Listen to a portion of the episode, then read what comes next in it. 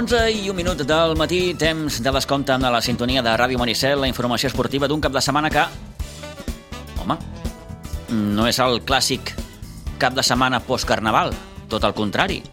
No hi ha hagut massa ressaca, per no dir gairebé gens, de ressaca post-carnavalera perquè tenim bons resultats. Alguns bons resultats que comentarem en aquesta hora esportiva que tenim a la sintonia de Ràdio Maricel. Bones notícies, per exemple, eh, pel que fa amb el món del rugby, del Rugby Club Sitges, que confirma el seu bon moment i ahir va derrotar el Toro de Mallorca, el polivalent de Pinsbens, eh, per 19 a 12. Per tant, una nova pedra, en el bon sentit de la paraula, cap a aquest camí que l'ha de dur a la permanència. Els sitgetans que insisteixen en, en voler jugar un any més a la divisió d'honor B. En parlarem d'aquí uns moments, saludarem també el president del Rugby Club Sitges, Alejandro Villarreal, escoltaran també la crònica que ens ha facilitat el tècnic del sènior Camilo Hanglin. De rugby començarem parlant el temps de descompte d'aquest 27 de febrer. Parlarem també de futbol, òbviament, en una jornada en, una jornada en què, recordem, el primer equip de la Unió Esportiva Sitges ha descansat, tant, han estat dos caps de setmana consecutius sense futbol pel que fa a la gent del primer equip. El proper partit el jugarà dissabte que ve al camp del Cabrils. Queden dos partits, recordem, per tancar amb aquesta primera fase, un Sitges ja classificat per poder disputar la fase d'ascens a primera catalana. Qui sí va jugar va ser el filial, el Sitges B, que va suar i va patir, com es diu en aquests casos, per poder sumar 3 punts a Iguadols en derrotar 2 a 1 a la Granada. Va costar. El conjunt penedesenc li va posar les cores molt i molt difícils als homes d'Àlex Villalgordo. Repassarem també com queda aquesta tercera catalana. Vaja, poques coses han canviat. Destacarem també la victòria del Club Patí Subur Sitges contra la primera fora d'aquesta temporada. 3-4 van guanyar els homes de Jofre Vilà a Vilafranca en el seu primer partit de la lligueta per la permanència. És una molt bona victòria, bàsicament perquè suposa una bona dosi de moral de cara ja a aquest eh, tram més decisiu de la temporada. Comencem.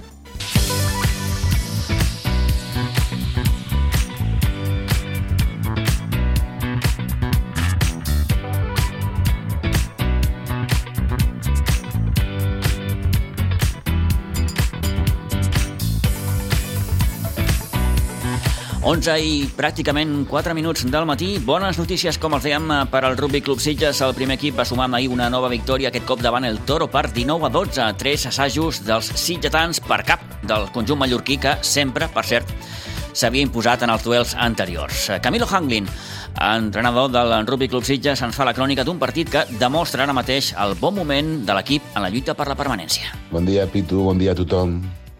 Desde la familia del Rugby Sitges, aquí les habla Camilo Hangling, entrenador del senior. Como ya sabéis, este año estamos en la lucha por mantener la categoría. Y hoy domingo nos tocó el Toro, el Toro de Mallorca. Un equipo que cuando jugamos las veces anteriores nos demostró que saben competir en esta categoría y que tienen una gran efectividad. Para contenerlos teníamos que sacarles la posesión de la pelota, mantener la pelota en nuestras manos y detener a unos experimentados backs, unos tres cuartos muy buenos que tiene el toro. Una prueba dura para los nuestros, especialmente para nuestra joven línea de backs. Nuestros noise, como siempre, lo dieron todo y siguieron el plan y aunque íbamos haciendo algunos ensayos, eh, el toro se mantenía cerca en el marcador a base de, penales. Eh, el resultado se mantuvo muy cerrado hasta el final. Les gusta mucho hacerme sufrir, Pito. Pero esta vez teníamos suplentes y cuando llegó el momento de que las fuerzas se agotaron y tuvieron que entrar, dieron el callo. Este es un partido que no hace mucho partidos como este los perdíamos. Eh, eso demuestra lo que ha madurado el equipo. Este lo ganamos. Terminamos 19 a 12. Muy poca diferencia en el marcador. Pero tres ensayos nuestros y ninguno de ellos nos da un punto bonus importantísimo y nos aleja de la cola. Y mucho más a los muchachos no le podemos pedir. Gran noticia, espero que se haga costumbre, o eso espera mi médico. La, la, semana que viene descansamos y luego la otra jugamos otra final más, esta vez con el Rugby Valencia. Un abrazo y nos vemos por el club, chicos.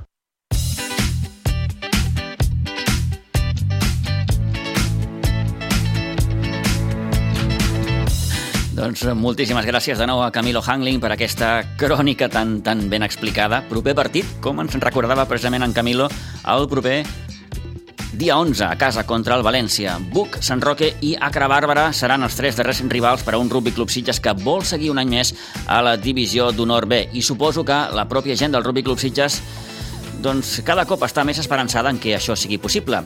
Alejandro Villarreal, president del Rugby Club Sitges. Bon dia i bona hora. Hola Pitu, buenos días, ¿cómo estás? Buen día. ¿Todo bien, supongo?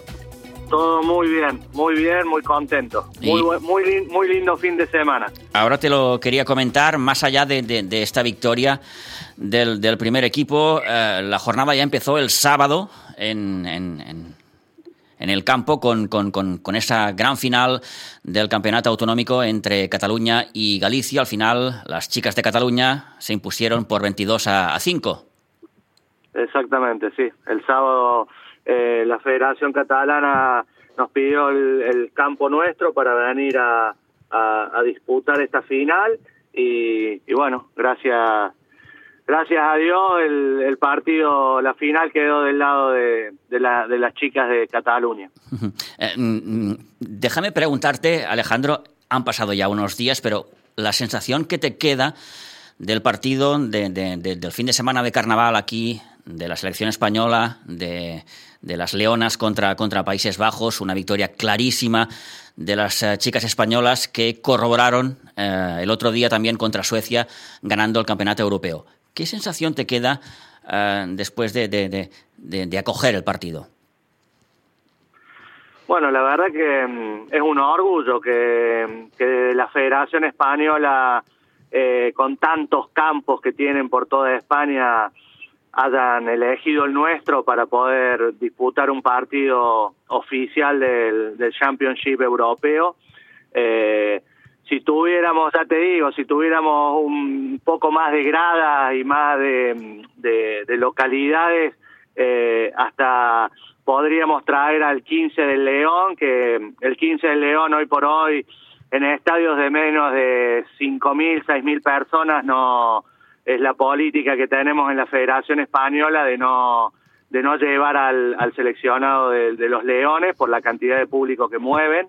Eh, eh, pero bueno, en el, en el caso femenino, que hay un poco menos de público por ahora, eh, que, que, haya venido, que hayan elegido a Siche y que hayamos podido poner al, al nombre de nuestro club y de nuestro pueblo en toda Europa, un partido retransmitido en directo por Teledeporte, donde los derechos los compraron en ocho países europeos, la verdad que es una satisfacción y, y es el primer evento, ¿eh? O sea, no, no nos quedamos ahí, vamos a seguir trayendo todos esto, estos partidos, todos los que podamos traer los vamos a traer a Siche. Eh, nos comentaste en su día, Alejandro, que eh, la idea de traer al equipo español femenino a Siches y y también en, el partido que disputaron este, este fin de semana pasado, eh, es un poco descentralizar, ¿no? El hecho de que no siempre jueguen en Madrid, sino que mm, puedan jugar y, otros campos, eh, en este caso Cataluña, pueda albergar también partidos de la selección. Sí, sí, eso es una es una, una promesa electoral que se hizo en su día con la candidatura de Hansen, que es a la que yo pertenezco, a la junta directiva que estamos actualmente. Nosotros dijimos desde el minuto cero de que íbamos a tratar de llevar al femenino de, de 15, al masculino de 15 y de 7 igual, y sub-20 y toda todos los seleccionados de España, que lo íbamos a tratar de sacar de, sacar de Madrid, eh, porque bueno, porque el rugby tenía que crecer en todo el país, no solamente en Madrid. Era el primer partido oficial que Sitges acogía en este sentido. Em, pero no olvidemos que creo que fue el año pasado el equipo Seven mm, ya se entrenó aquí en Siches también. Sí, sí, vinieron a hacer un, entrenamiento, estuvieron una semana y esa misma semana eh, vinieron de, las chicas de, si mal no recuerdo, de, Polonia era, ¿no? De las polacas. Creo que sí, creo que sí, sí, sí.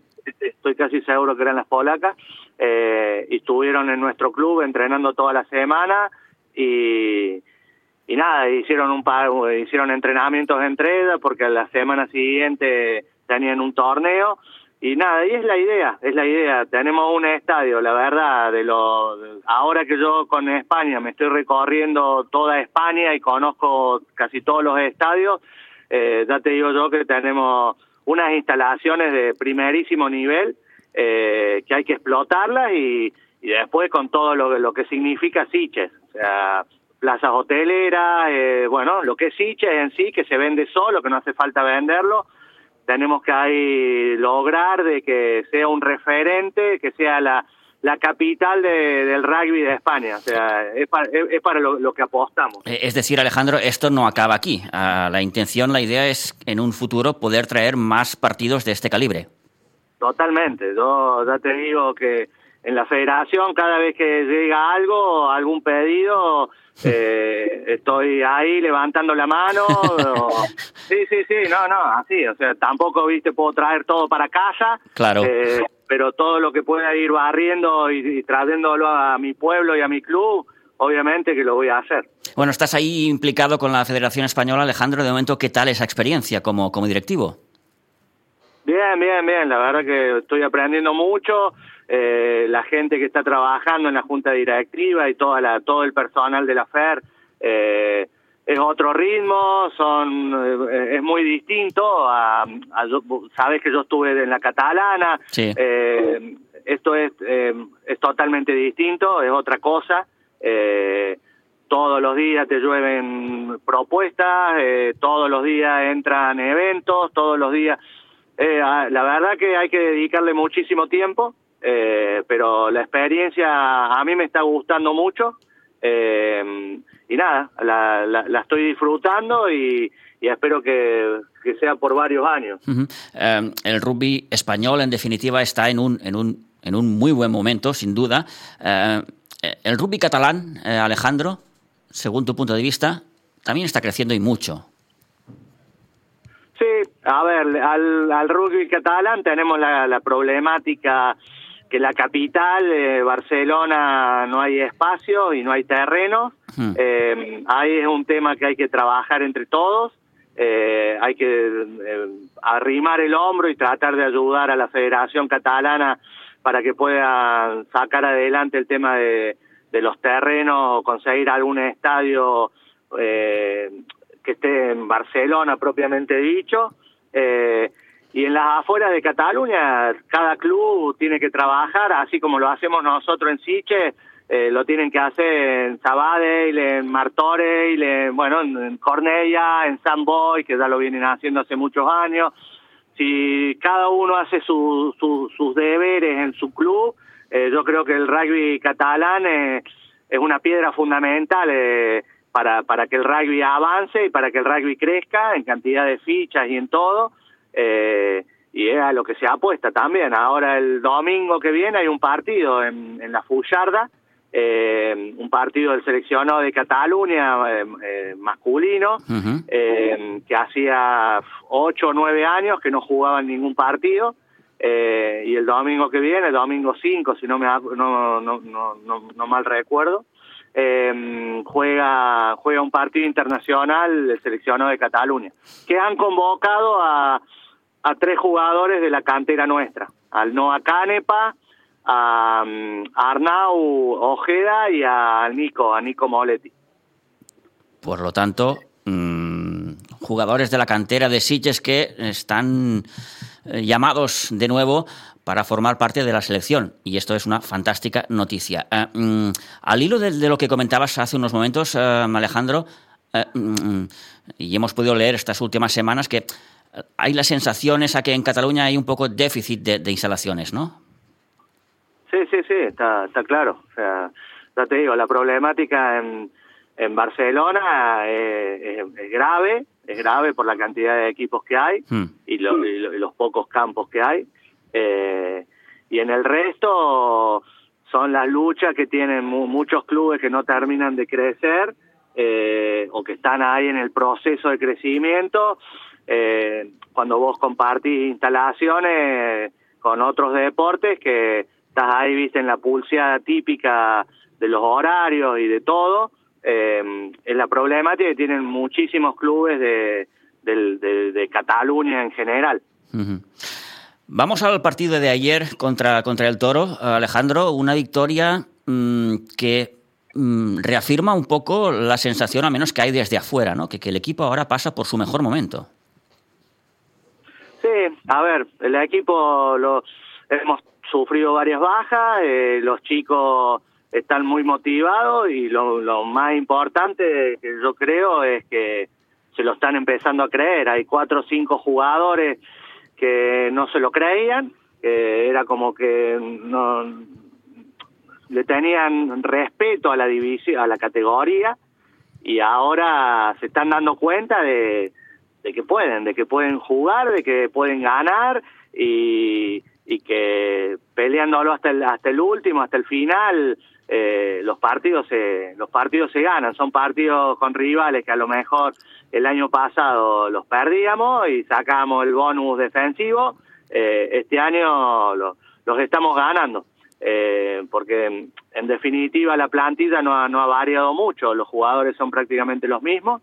Eh, pero se lo están creyendo. Y esto en, en nuestro deporte la cabeza es fundamental. Eh, y si vos te lo crees no no hay quien te baje. Eh, así que yo, yo creo que la, la clave está por ahí, o sea, están jugando bien, están muy unidos y, y bueno, espero que nos, nos sigan dando alegría. De momento el equipo ya ha conseguido salir de la zona de descenso directo, esto es un, un primer paso muy importante, y quedan esos cuatro partidos, contra Valencia, contra Buc, San Roque y Acra. Bueno, ya veremos, eh, queda, queda, queda mucho, pero, pero, pero el primer paso ya está dado en este sentido, ¿no? Sí, sí, pero lo mismo, ya te digo, eh, como no sabemos lo que va a pasar arriba, ya. Eh, nosotros tenemos que seguir sumando puntos. Ahora viene, la semana que viene descansamos, la otra semana viene Valencia y, y Valencia está arriba, está, no me acuerdo si está arriba el CAU primero y Valencia segundo en la zona nuestra, en, en este grupo, uh -huh. eh, o sea que vienen fuertes. Eh, pero la última vez que jugamos con ellos, que hará un mes, mes y medio que jugamos en el campo allá en Valencia, que yo fui a ver ese partido, eh, lo, fue un partido que lo tuvimos por ganar también, o sea que no acá en casa con la fuerza del público y vamos a tratar de que sea ese día que venga muchísima gente para para que los chavales se sientan más arropados y, y más mimados eh, yo creo que a Valencia podemos dar podemos dar la, la sorpresa y se le puede ganar. Hombre, sería, sería sin duda un, un, un, partido, en caso de ganarlo, vaya, súper importante. Eh, Alejandro, gracias por habernos atendido una vez más. Eh, gracias y suerte. Seguimos hablando. Listo, Pitu, gracias a vos. Te mando un abrazo grande y te Igualmente. veo por el club. Gracias, adiós. Saludos.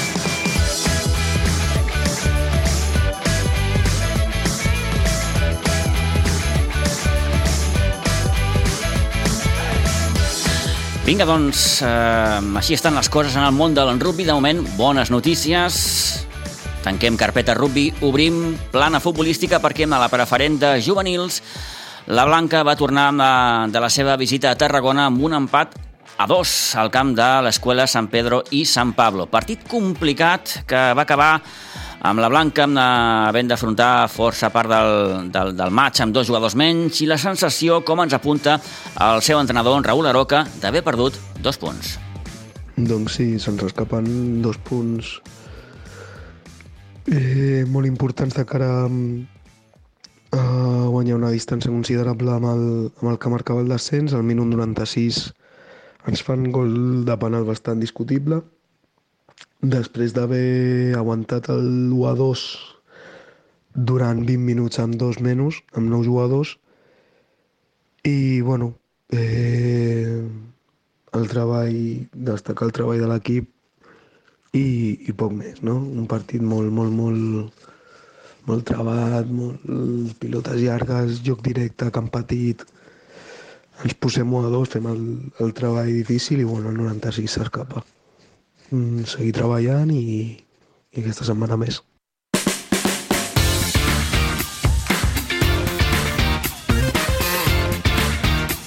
Bé, doncs aquest empat a dos que deixa la Blanca ara mateix en el desè lloc de la classificació, amb aquests 21 punts, aquesta zona mitja, mmm, allò potser mirant més de reull cap avall que no pas cap a dalt, però en qualsevol cas un punt que deixa aquesta sensació un tant, un tant agradolça.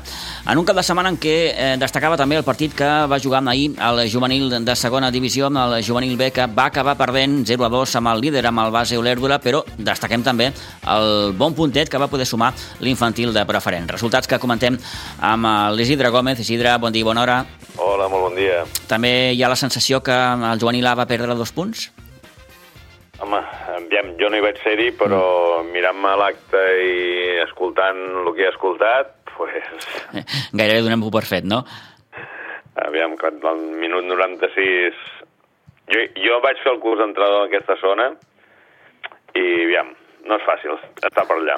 Tarragona és, és, és, és zona complicada. Sí. Històricament, sí. eh? I, I més aquesta barriada, ja dic que mm. jo vaig estar-hi dos anys fent el curs d'entrenador per allà i millor no anar sol a certes hores. Mm -hmm. Bé, en qualsevol cas, un empat a dos eh, i, i bé, eh, deixem-ho en un punt que, que, que, que també suma en aquest camí eh, que, que, que vol seguir fent la Blanca per assegurar-se com més aviat millor la, la permanència. Destacàvem també, Isidre, la derrota que va patir el juvenil de segona divisió, el juvenil B, 0 a 2 a les Roquetes ahir contra, contra el líder. Aquests van estar de carnaval mm. i ho van acusar-ho i ja dic, sobre amb dos penals, o sigui, que també no va acompanyar res. O sigui, van dir que m'han comentat que van sortir molt nerviosos els nanos, el líder és el líder, un, el Basoler és un equip fort, el, té un de centro, sembla, porta tants gols com partits ha jugat, és un bon equipet, o sigui, -huh. que no, no, no, no, contra aquests equips no pots sortir a mitges tintes, si no estàs ben posat, pues, pot passar això. Uh -huh. El base Olèrdula que eh, referma una miqueta més si cal el seu liderat, la Blanca ara baixa fins al quart lloc, queda 5 punts d'aquest primer lloc, però bé, en qualsevol cas, derrota, com, com ens apunta l'Isidre, que podia, que podia donar-se i, i més en les actuals circumstàncies. I destacàvem també el, el puntet eh, de l'infantil de preferent, eh, 2 a 2 al, al camp de l'Escola Futbol Gavà, Isidre. Sí, sí, no, aquest equipet amb el canvi d'entrenador pues, va agafant aixures i ara ho competeix tot i va, va rascant, va rascant, que és l'important. Aviam si van sumant puntets i podem arribar a final de temporada i salvar la categoria. Uh -huh. Que no serà fàcil, però en qualsevol cas eh, l'equip fa, fa una, altra, una altra pinta, eh? Sí, home, en dues setmanes hem aconseguit quatre punts que no havíem aconseguit amb quasi, quasi tot el resto de la temporada. O sigui uh -huh. que és el, és el camí, aviam si la conservem, tornarem a trobar-nos equips que seran més forts que nosaltres, evidentment, però bueno, eh, amb els que són més o menys del nostre entorn i que podem competir els hi hem de competir i hem de mirar de rascar algú per, per poder anar sumant. Perfecte, doncs eh, la resta què tal? Hi ha hagut mm, bueno, pues, ressaca o no? Mm, no. No? El, els de futbol 7 van començar força bé allà a les Roquetes, mm però bueno, en general han perdut els que més o menys podien perdre, podien perdre mm. i, i els altres pues, han anat guanyant. Mira, el cadet A pues, sí que també potser va ser una mica de ressaca perquè va empatar 1 a 1 contra el base Mar Bartra. Nosaltres jugàvem de locals. El cadet B, que segueix líder fort, va guanyar 1 a 6 al camp del Cubelles A a l'infantil B va guanyar 5 a 2 contra el base Vilanova 2015. A l'infantil C va guanyar 7 a 0 a l'Hortonenc A. En categoria Levin, a la Levina va perdre a Pins... A, bueno, a Pinsbens, mare meva. Uf. Bueno, eh, bueno, eh, encara, encara tens allò... El, el, el xip posat. El xip posat. Vam perdre a casa, per direm així, contra l'escola de futbol que va la G, o sigui que l'Albi B va perdre 6 a 0 al camp del Martorell B, el C va perdre 11 a 2 al camp de la Fundació Unió Esportiva Cornellà H, un poco d'encerrona. Eh, L'Alevi D va guanyar 1 a 5 al camp del base Mar Bartra. L'Alevi E va guanyar eh, 2 a 1 al Sitges F. En categoria Benjamí, el Benjamí A va guanyar 10 a 0 al base Mar Bartra el Benjamí B va perdre 3 a 2 contra l'Escola de Futbol Gavà, el Benjamí C va guanyar 5 a 2 a la Granada A i el Benjamí D va guanyar 3 a 4 al Bas Olèrdola A. O sigui que, en principi, tenim un 8 victòries, 3 empats, 5 derrotes, mm, i tres, em- dos dels empats són bons, Uh -huh. o sigui que, bueno, mm, per haver sortit de, de dues setmanes de no competir, pues, Prou bé. prou bé, prou, Prou bé, molt Cal bé. continuar ara. Un bon balanç, per tant, pel que fa als resultats dels equips de la Blanca en aquest eh, cap de setmana. 11 i 27. Isidre, moltíssimes gràcies. Que vagi Gràcies molt bé. a vosaltres. Adéu-siau. Adéu.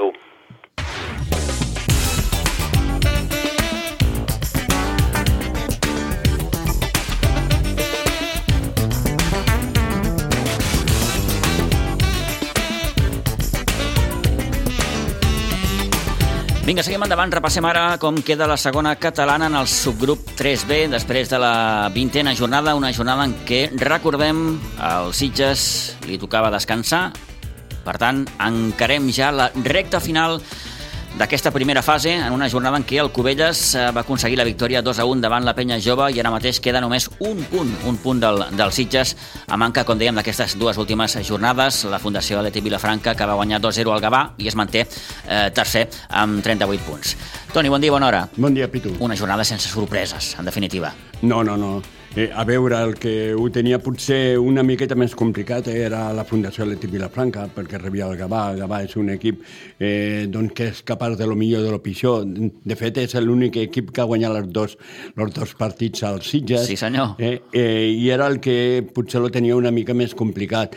Eh, el Covella ho tenia complicat per el fet de que era un derbi, però sabent que la penya jove doncs, eh, té moltes mancances eh, i mm, va passar el que tenia que passar. Va patir per guanyar el Covelles, però al final va acabar guanyant. El Moja, que no va passar de l'empat a 1 a casa seva davant l'Espluguenc. I que se complica, eh? Que se complica. Jo estava mirant la classificació, té 22 punts, té els mateixos punts que el Sant Vicent dels Horts i té dos punts més que el Gavà.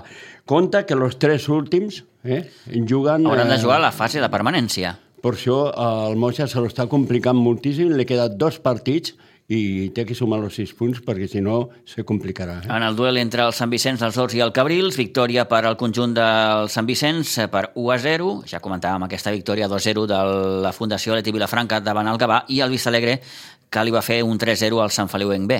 Vistalegre que ha despertat tard. Sí, sí, sí. De fet, té un equip per, a, per haver estat a dalt del tot, no? El que passa que, doncs, com tu dius, no? s'ha despertat tard. Eh, mm, quedarà, jo penso que el Vista Alegre pot quedar eh, per allà eh, en, en terra de ningú. Sí, que vull en dir aquesta que serà, zona mitja que, que vaja, ni, ni mires cap a dalt ni mires cap a serà baix. bastant avorrit, no? Mm. Perquè, clar, faran un campionat en el que cap es juga res, eh? I doncs allà quedarà... Clar, no oblidem que hi haurà equips que hauran de jugar una segona fase en què, com diu el Toni, vaja, no jugaran res, ni per No. pujar ni per baixar. No, per això, per això, solament per competir i ja està, no? Uh -huh. I clar, això és bastant avorrit, no?, si no te jugues res, no? I, i lo de més, dir que, que, la, que el Gornal no va passar de l'empat, Sí, senyor. eh? i això vol dir que si el Sitges és capaç de guanyar els dos partits, tot i que el Gornal guanyi els dos partits que la resta, que li, li queda un amb el Sant Idefons, que és el tercer classificat, eh? a casa del Sant Idefons, el Sitges eh, pot escurçar diferències eh? i a les males eh, són sis punts el que li treurà el Gornal als Sitges si el Sitges és capaç de guanyar tot i el Gornal també lo guanya. Sitges, Cubelles i Fundació Leti Vilafranca jugaran Mhm. aquesta segona fase per, per pujar a primera catalana. El subgrup 3A, Gornal, ja és segur que sí, l'Sporting Gavà mm, i el Sant Ildefons ho tenen gairebé fet. Ho tenen molt bé. Ho tenen Queden dues jornades, eh, sí que, per exemple, equips com el Terlenca i el Marianao crec que tenen alguna mínima opció, Molt poc. però clar, haurien de guanyar els seus partits sí, que, que, que, que la resta els perdin, com, com aquell que diu. Sí, per això aquest enfrontament que n'hi ha aquesta setmana, el, Gornal, el Sant Idefons Gornal, és bastant important pel Sant Idefons per no perdre doncs, la posició, no? perquè estan eh, tocant des de baix no? aquests equips que volen doncs, assumir aquest joc. No? Eh, però jo també m'he quedat amb, amb els gols que té en contra els tres equips. Eh? Eh, tenen molt pocs gols en contra, eh? perquè el Gornal té 15 gols en contra, 19 dels Sitges, Mm. El Sporting de Gavà té 19 gols en contra, igual que el Sitges, eh? 21 té el Cubelles, per exemple, que és segon. i el Sani de Front té 17. Vaja.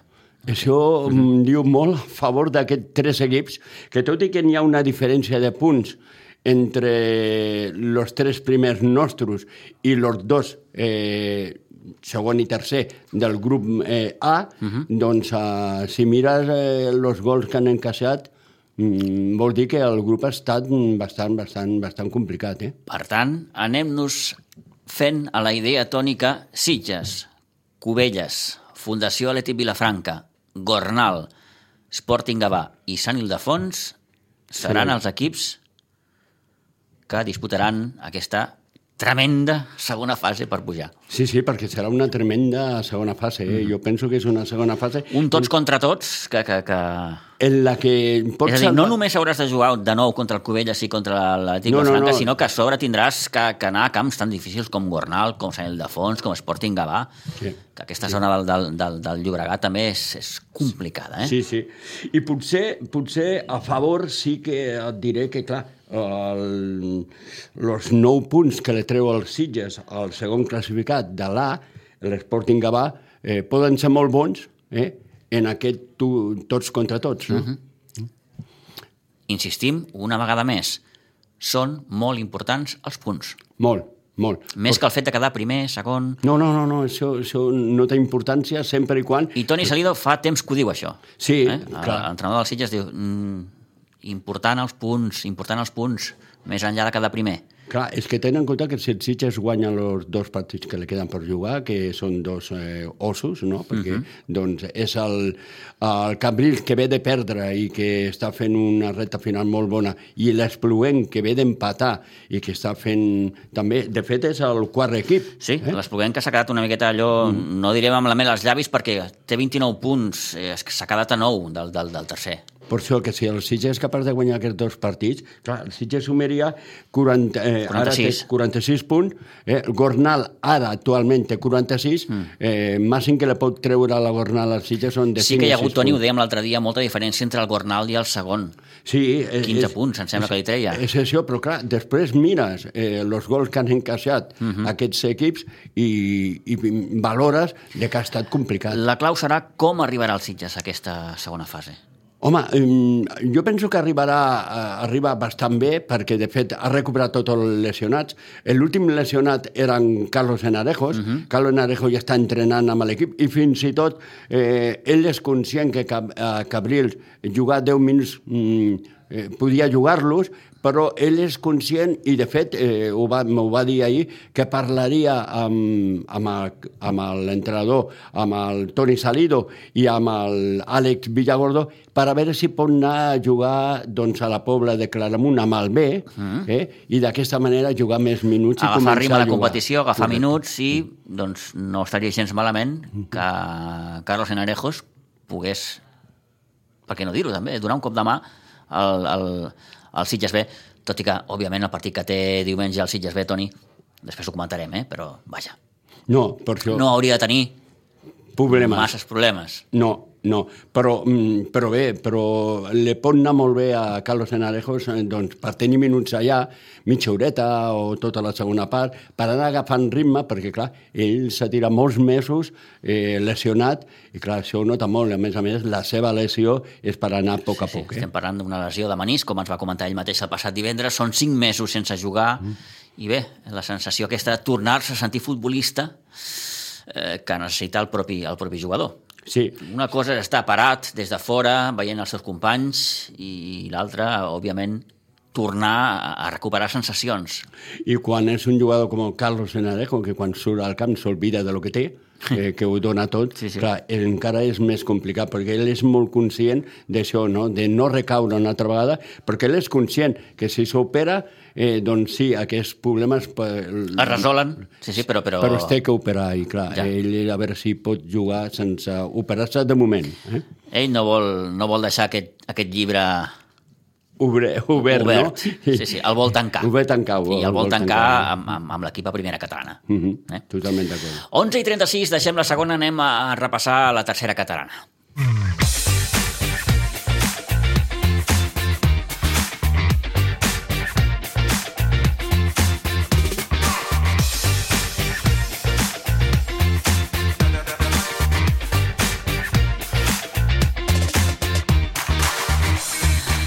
De moment, si no m'erro, el Sitges B ja ha començat la segona volta millor que la primera. Sí, sí, sí, perquè l'ha començat amb dos victòries i un empat. Eh? I a la primera va ser... Eh, Una derrota? Una derrota, un empat i una victòria. Uh -huh. Sí, sí, sí, l'ha començat millor. Va costar dissabte amb la Granada. Home, sabíem que era un equip complicat. La Granada és un típic equip de tercera catalana que coneix molt bé la categoria i que és un equip molt complicat de guanyar. És difícil de trobar-li espais i més en un camp petit com el municipal.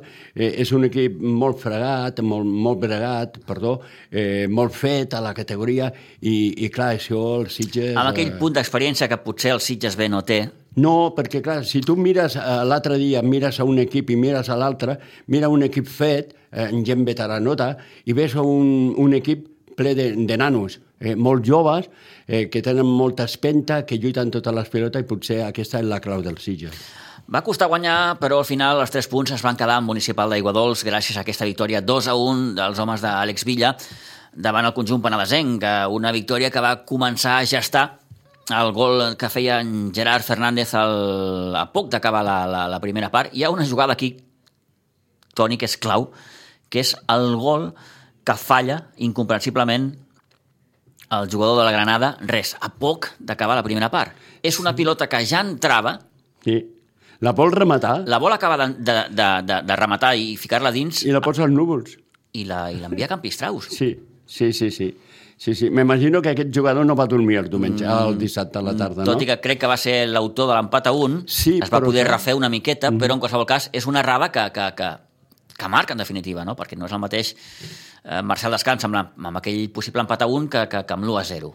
Sí, Tot i la, que, eh. que, repeteixo, la Granada aconsegueix igualar el marcador. Sí, aconsegueix igual... Al 59 arriba l'empat a 1 i és al 68 que el gol de, de Joan Riera li acaba donant aquests tres punts. I molt important perquè va marcar precisament dos dels jugadors que poden fer molt de gols, com el Gerard Fernández o el Riera, no? Uh -huh. Un Riera que no ha tingut sort, eh, que va caure lesionat, que després va tenir un petit accident i que per fi el Sitges l'està recuperant, com el Gerard Fernández, eh, eh, i poden ser jugadors molt importants de cara a barraca, de cara, de cara al gol. Eh? Potser la nota negativa del partit és la lesió de Jarek, del, del porter, que mm, a la mitja hora va haver d'abandonar d'abandonar el terreny de joc, el va substituir uh, un Aleví, Sí. Javi Dorado. Javi Dorado, sí, Eh? sí. L'avi, l'avi de tots, eh? eh? doncs eh, Javi Dorado que, que, que va haver de sortir en el lloc del seu company lesionat eh, Jarek.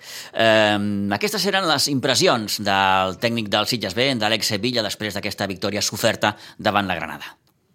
Sí, a veure, ha sigut un, un partit complicat. Ells, ells ens han vingut a apretar molt a dalt. Jo crec que és l'equip que, que més ens ha apretat, eh, fent un per un en tot el camp. I això com que ens ha sobtat i ens ha costat molt. Al principi, la primera part no, no hem entrat al, partit, no ens ha pogut jugar i tot i així doncs, hi ha dies que juguem molt bé i, i marxem perdent i hi ha dies que mira, no jugues tan bé i marxes guanyant. Tot i així, jo crec que s'ha competit molt bé, era un, un equip molt potent, nosaltres sabíem que dalt tenen jugadors que, que fan molt de perill, que tenen molta corpulència i, i tot i així hem sabut defensar corners, hem sabut defensar jugades d'estratègia i, i ens hem pogut endur els tres punts. Potser aquests últims minuts s'han convertit, s'han convertit massa en, en anades i tornades, no? Sí, és un partit que potser es diu que pel, per l'espectador és molt bonic, però a nosaltres ens estaven bé, mossegant les ungles. Falta potser aquest puntet de calma, no? Sí, és, és molt difícil també eh, amb les pulsacions a 180, tot el que ens estem jugant de 3 punts, de que ho tens a la mà i se't pot escapar, eh, demanar als jugadors que es quedin la pilota, que aguantin, que ho hem fet, els últims 5 minuts i les comptes ho hem fet, però els minuts abans jo crec que estem pensant, som tan joves que pensem més en fer el tercer que no en que no ens facin cap. I aquest, jo crec que és falta d'experiència de dir, mira, tenim 3 punts, ja hem fet la feina, anem a aguantar la porteria. Nosaltres estem pensant en com fer el tercer. Hi ha un moment que sí que semblava que el Sitges podia marcar el tercer, però ells podien fer el segon. Clar, exacte, hi ha, hi ha hagut un moment que tant els, nostre, els seus quatre davanters s'han quedat despenjats i els nostres davanters que volien anar també es quedaven despenjats i això feia pues, que es, estigués un partit obert, que en teoria l'equip que, que va guanyant no vol que sigui un partit obert. Això es diu pecats de joventut? Sí, sí, sí, però bueno, ja ho hem dit abans, si no es pateix no es gaudeix, tres puntets més a, a Aiguadols, eh, hem començat eh, la segona volta millor que vam començar la, la primera, amb 7 de 9, i aquest és el camí. Preocupar aquest partit, clàssic partit post-carnaval, ja sabem com funciona això.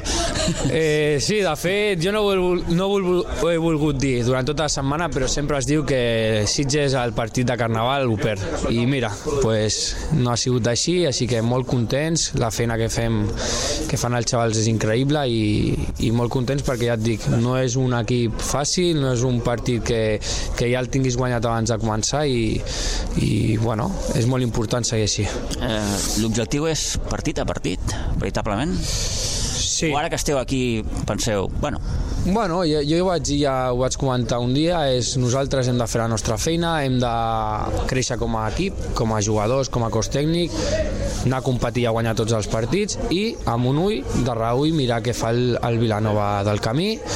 Eh, crec que han empatat el, el Montbui i el Riudebies també, i els deixem una mica més a més d'un partit, això ens dona una mica d'aire, ens hem ficat a cinc de Vilanova, que tenen que jugar demà, bueno, pues, jo crec que és important estar a, prop perquè si, si som capaços d'aguantar i després el Vilanova falla, que estiguem al costat. Seria una llàstima que el Vilanova comencés a fallar i nosaltres també i no els agaféssim per fer nosaltres coses que no havíem de fer. és important, no? Això que dius, vull dir, estar atents a... Bé, perquè el Vilanova del Camí tampoc som tots els punts, creiem. Sí, a veure, per exemple, es parla molt de la temporada que el Sitges anava amb 10 punts d'avantatge i va acabar perdent. Sí que és veritat que, que el Sitges es va deixar punts, però també és mèrit dels rivals que no, no perdien punts. Jo me'n recordo la segona volta del Prat Vell del Sant Mauro va ser espectacular. Si no arriben a fer que- aquesta segona volta, no haguessin pujat i el Sitges hagués pujat. Llavors jo el que no voldria que passés és que el Vilanova comencés a, fa- a fallar i nosaltres, per no estar concentrats o, perquè, o per pensar que no tenim res a fer, que ens deixem anar.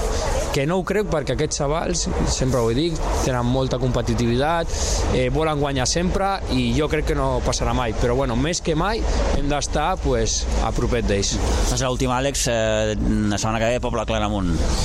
Bueno, partit trampa, sembla que vagin avall, eh, que estiguin, que no estan, però bueno, quan, vim, quan van vindre aquí sí que era un equip que tenia 12 jugadors o 13, van canviar d'entrenador, ara ja comple, com, eh, omplen les convocatòries, competeixen partits, es juga diumenge per la tarda, que sempre és bueno, més difícil perquè no és el que estàs acostumat, així que serà un partit difícil i que tindrem que anar allà pues, a, a sumar tres punts i a competir com sabem. Hi ha l'exemple del dia que va venir el Montserrat Igualada. Aquí el clàssic està baix, eh, Exacte, penses que ja estan... Bueno, que penses que no et poden fer mal de cap manera i de cop i volta t'hi trobes que, ostres, no són tan dolents.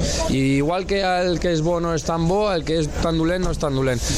Eh, jo crec que avui ens ha faltat, això sí, eh, ser més nosaltres, tenir més la pilota, eh, confiar, mèrit també de, de la Granada, lògicament. Punt de pausa, no?, que comentava abans, potser, no? I, i hem d'anar el, el proper diumenge amb, amb mentalitat de, de tenir la pilota, de fer mal com sabem, que és a, a través de la pilota, i amb personalitat com hem fet fins a dia d'avui, que ens, és el que ens ha portat a estar on estem.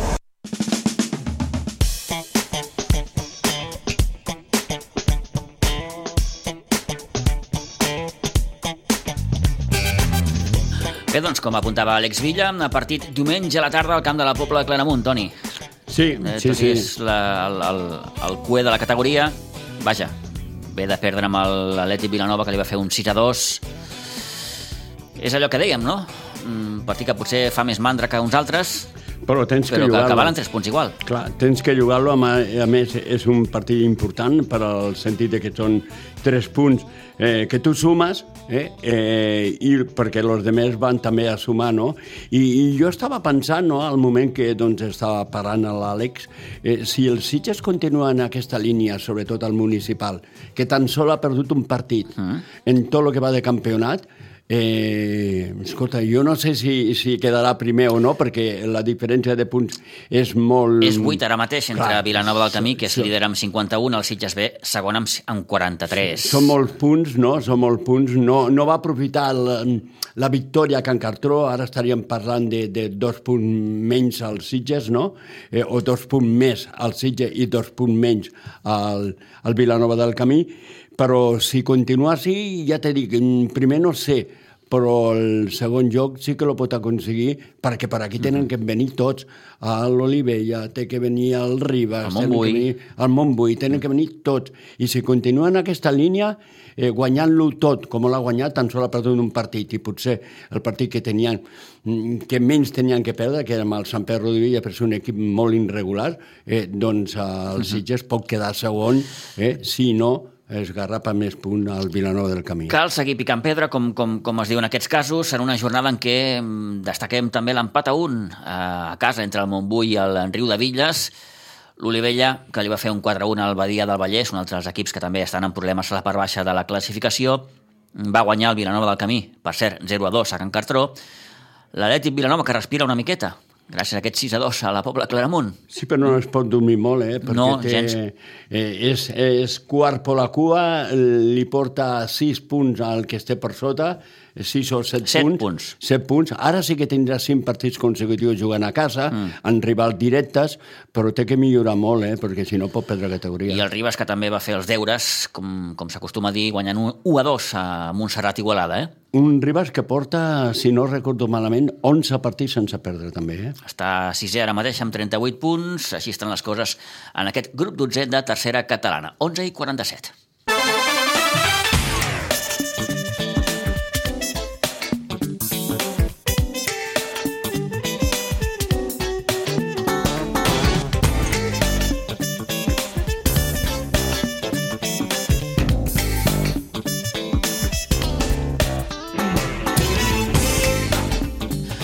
Ha estat, sens dubte, un dels eh, grans resultats d'aquesta jornada esportiva passat ja el Carnaval. El Club Patí Subursitges que ha pogut guanyar amb el seu primer partit eh, fora de casa amb aquesta temporada i ho va fer, podríem dir, en el millor moment, ja que amb els de Jofre Vilà es van imposar per 3 a 4 amb el Club Patí Vilafranca en partit corresponent, en aquest cas a la segona jornada d'aquesta segona lligueta de permanència. Recordem, recordem que els partits de la primera jornada van quedar tots eh, ajornats el passat, eh, coincidint en aquest cas amb el passat cap de setmana de, de Carnaval, per tant, aquesta primera jornada s'haurà de recuperar eh, aquest proper eh, cap de setmana. En el cas del Club Patí Subursitges, recordem el partit contra el Montbui l'haurà de disputar a partir de 3 quarts de 8 del vespre d'aquest dissabte. I important victòria, com dèiem, a Vilafranca en un match que marxava al descans amb un marcador empatat a dos, partit de molta igualtat que al final es va poder resoldre en favor d'un club patissitges que, sens dubte, agafa moral de cara ja amb aquesta segona lligueta per la permanència. Recordem també que els resultats d'aquesta segona jornada van ser, per exemple, el Montbui 5, Calafell 4, amb el Ribes 4, Vilanova 4, amb el Lleida que va guanyar 10 a 8 a l'Amposta i ara mateix com queda la classificació, que és potser el que ens interessa, el Club Patí Subursitges és penúltim amb 7 punts. Sí que um, cal doncs, seguir treballant molt perquè l'equip que marca la, la permanència és el Calafell i té 5 punts més que el Club Patí Subursitges. Eh, dissabte que ve, com dèiem, rep el Montbui a partir de 3 quarts de 8 del vespre, partit corresponent en aquest cas a aquesta primera jornada que ho dèiem també fa uns moments, es va ajornar coincidint amb el cap de setmana de, de Carnaval. A veure si és possible, em sembla que sí, que finalment podrem parlar amb el eh, president del Club Patí Subursitges, el eh, Xema Ruiz, que el tenim ja al telèfon. Xema, bon dia, bona hora. Bon dia, bon dia. Està patint ja una mica, eh? Està... Sí, bueno, és que passa que estava fent una visita Mm? i, i ostres, i sortit ara... de- Haig de- d'anar perquè em, em trucarem des d'aquí de Ràdio Maricel. Doncs, escolta'm, no et molestarem massa estona. Um, et pregunto, aquesta victòria que, que, que, com diuen els castellans, vale su peso en oro. Sí, sí, la veritat és que sí. I molt, molt... Bueno, no sé, amb els anys que porto jo, sí que he vist marcadors apurats els últims segons, però marcar un gol eh, quan només faltaven dos segons, no sé si ho havia vist mai. Perquè faltaven dos segons. Uh -huh. Llavors eh, va ser una, una victòria molt, molt lluitada fins, a, fins al final, fins al final. I mai, mai més ben dit. I és una victòria, Xema, que, vaja, d'entrada dona moltíssima moral a l'equip. Sí, sí, ja ho havíem parlat amb alguna vegada, Pitu, ho necessitaven. Necessitaven perquè estaven fent un, una, una bona temporada, estaven fent bons partits, però aquesta victòria no arribava i, i la veritat és que, que ha sigut un xuter de moral i de veure que verdaderament... Home, la veritat és que, que si, si es fan les coses ben fetes i s'apreta fins al final, aquesta victòria, les victòries arriben. Mm -hmm. És la primera victòria fora de casa. Han hagut de passar un munt de mesos, Xema. Mm, Sí. només es va poder rascar aquell empat a Vilanova, mm, però és la primera victòria fora, clar. Per això l'equip està com està. Sí, sí, sí, sí, sí. Em sembla que és la... Jo, si dic la veritat, en dos anys, en dues temporades, la passada i aquesta no recordo, a, a, recordo l'empat l'any passat, la temporada passada a Cornellà, Mm? i a l'empat de Vilanova, a fora de casa, eh? Sí, sí, sí, sí, estem parlant de fora, no sí, sí. recordo... No recordo més cap victòria. Mm -hmm. I, I la veritat és que, que bé, bé, molt bé, molt contents. Mm, clar, això són, són, són tres punts, però, però és que s'ha de seguir, s'ha de seguir, perquè és que si no, no... No, a veure, a veure, ara jo vaig estar mirant ahir la, el que és la, els partits i la classificació i tot això, i ens queden mínim quatre finals. Però és que ja són finals. Sí, sí, com sí, sí, diuen, sí. i com tu has dit abans, en castellà, a cara de perro. Mm -hmm. I lluitant fins al final, i resant perquè tots els jugadors estiguin en condicions de jugar i de jugar bé, i que, que no tingui cap ensurt de lesions, i tinguem l'equip complet, i la veritat és que, que se'ls veuen moltes ganes als nanos, i, i a poc a poc, a poc a poc, jo crec que, que aconseguirem la fita que tenim de, de poder mantenir la, la categoria. S'ha pogut incorporar... Però bueno, sí. són, ens, queda, ens queden quatre finals, Pitu. Sí, sí, sí, sí, sí. Mm, Recordem que els rivals d'aquesta lligueta, més enllà de, de, del Vilafranca, també seran el Ribas,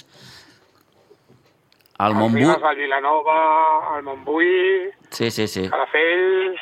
A veure, són, són, són equipets de, de, de, de, força de força entitat, que Mhm. no ens ho posaran fàcil, eh?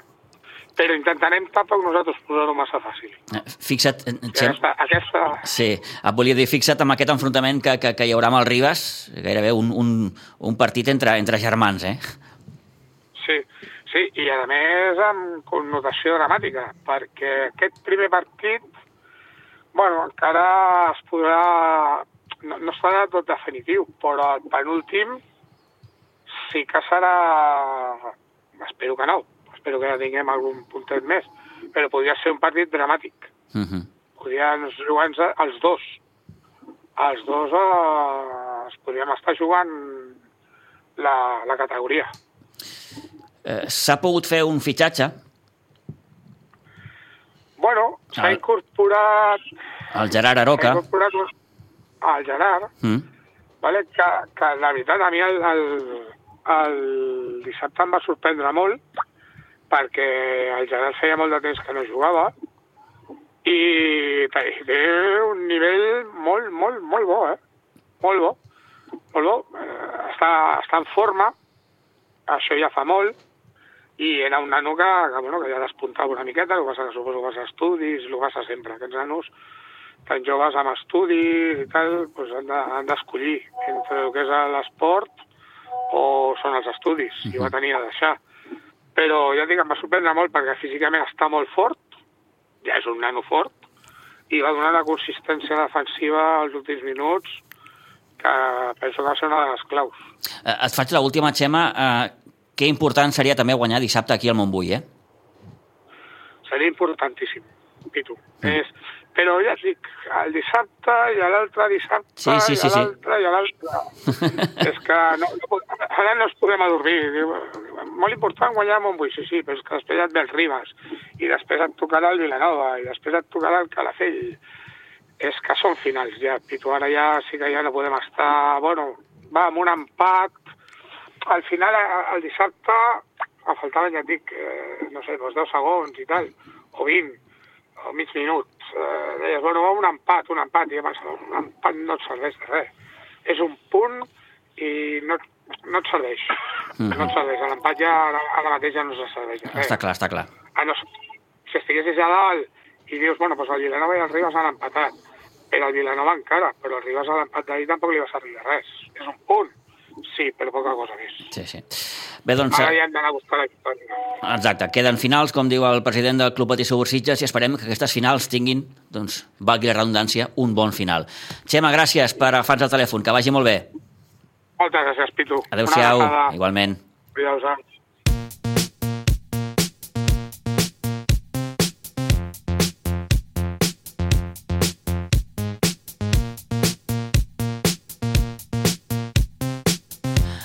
No ho ha pogut definir millor Xema Ruiz, el president del Club Patí Sitges. Queden finals, i sí, possiblement algun empat eh, et pugui més o menys servir, però ara mateix, en les actuals circumstàncies, un punt és poc. I l'altre dia, quan semblava que mm, l'equip s'havia de conformar amb l'empat a 3, va arribar aquest gol en els darrers mm, compassos de, de partit. Victòria, com dèiem, importantíssima a Vilafranca per 3 a 4, dissabte aquí a 3 quarts de 8 contra el Montbui. Anem acabant eh, i afegim una mica de bàsquet per recordar que el primer equip del bàsquet Sitges descansava en aquest cap de setmana en el proper partit el jugarà en aquest proper dissabte a Pinsbens contra el Cubàsquet Sant Cugat a partir de 3 quarts de 6 de la tarda. Destaquem, però, la victòria del sènior B, que es va imposar a l'Escola Pia Igualada per 58 a 55, després de la derrota que va patir a Bellvitge, el conjunt del sènior B, que es va poder refer amb aquesta soferta també victòria de 3 punts davant el conjunt igualadí. Tampoc va jugar el sènior femení, el partit que havia de disputar amb el Cervelló, es va ajornar i es jugarà finalment el proper 11 de març. I atenció perquè el proper partit del Sitges femení serà ni més ni menys que contra el Samà, un líder que ha guanyat, de moment, els 14 partits que ha disputat. Per tant, imbatudes les noies del Samà. Un apunt també d'hoquei herba perquè l'equip dels papis del Sitges eh, Hockey Club eh, s'han col·locat líders gràcies el seu triomf per 2-0 amb el Matadepera. Els sitgetans, com dèiem, ocupen el primer lloc de la classificació, ara mateix amb dos punts més que el propi Matadepera. I del cap de setmana també en destaquem el que ha estat la primera victòria de l'equip femení de futbol sala Sitges en el duel de darrers classificats, les noies del futbol sala Sitges que es van imposar 2 a 1 al barri Riera. I apuntem també un nom per acabar, el de Milena Caseta, aquesta jove sitgetana que després de guanyar l'any passat la Copa d'Espanya d'escalada amb corda, aquest passat cap de setmana, s'ha imposat en la Copa Catalana d'escalada en bloc que es va disputar a Vilanova en la categoria sub-14. Per tant, enhorabona per aquest nou triomf d'aquesta joveníssima sitgetana, la Milena Caseta. Amb això acabem, arribem pràcticament al punt de les 12 del migdia. Toni, moltíssimes gràcies. Molt bé, Pitu. Bona setmana, ens en retrobem divendres. Al matí amb nosaltres torna, com sempre, demà a partir de les 9, que acabin de passar un molt bon dilluns, ara que surt el sol. Vinga, mira que bé.